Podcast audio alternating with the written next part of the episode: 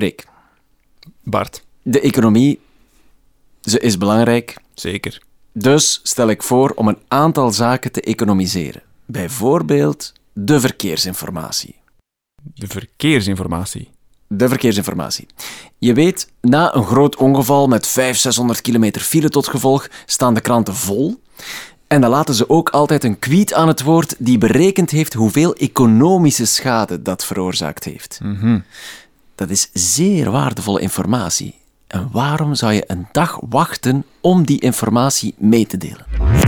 Op de E40 van Gent naar Brussel staat een defecte vrachtwagen internat op de rechte rijstrook. Er staat een file vanaf Aalst met 40 minuten vertraging en 450.000 euro schade aan de economie.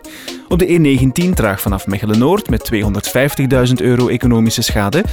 Op de E40 vanuit Luik verliest de economie 320.000 euro van voor Haasrode.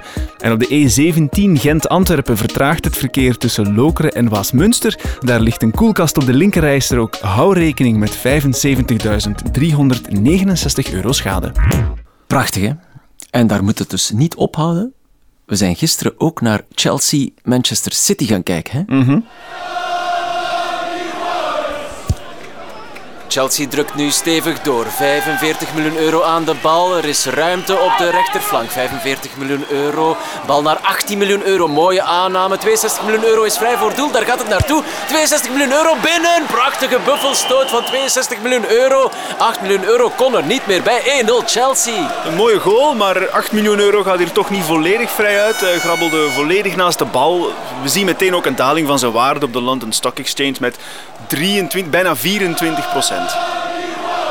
Voilà, dat zijn maar enkele voorbeelden natuurlijk. Een nieuw beestje ziet het licht, de Econominator, en we sturen dat monster graag de wijde wereld in.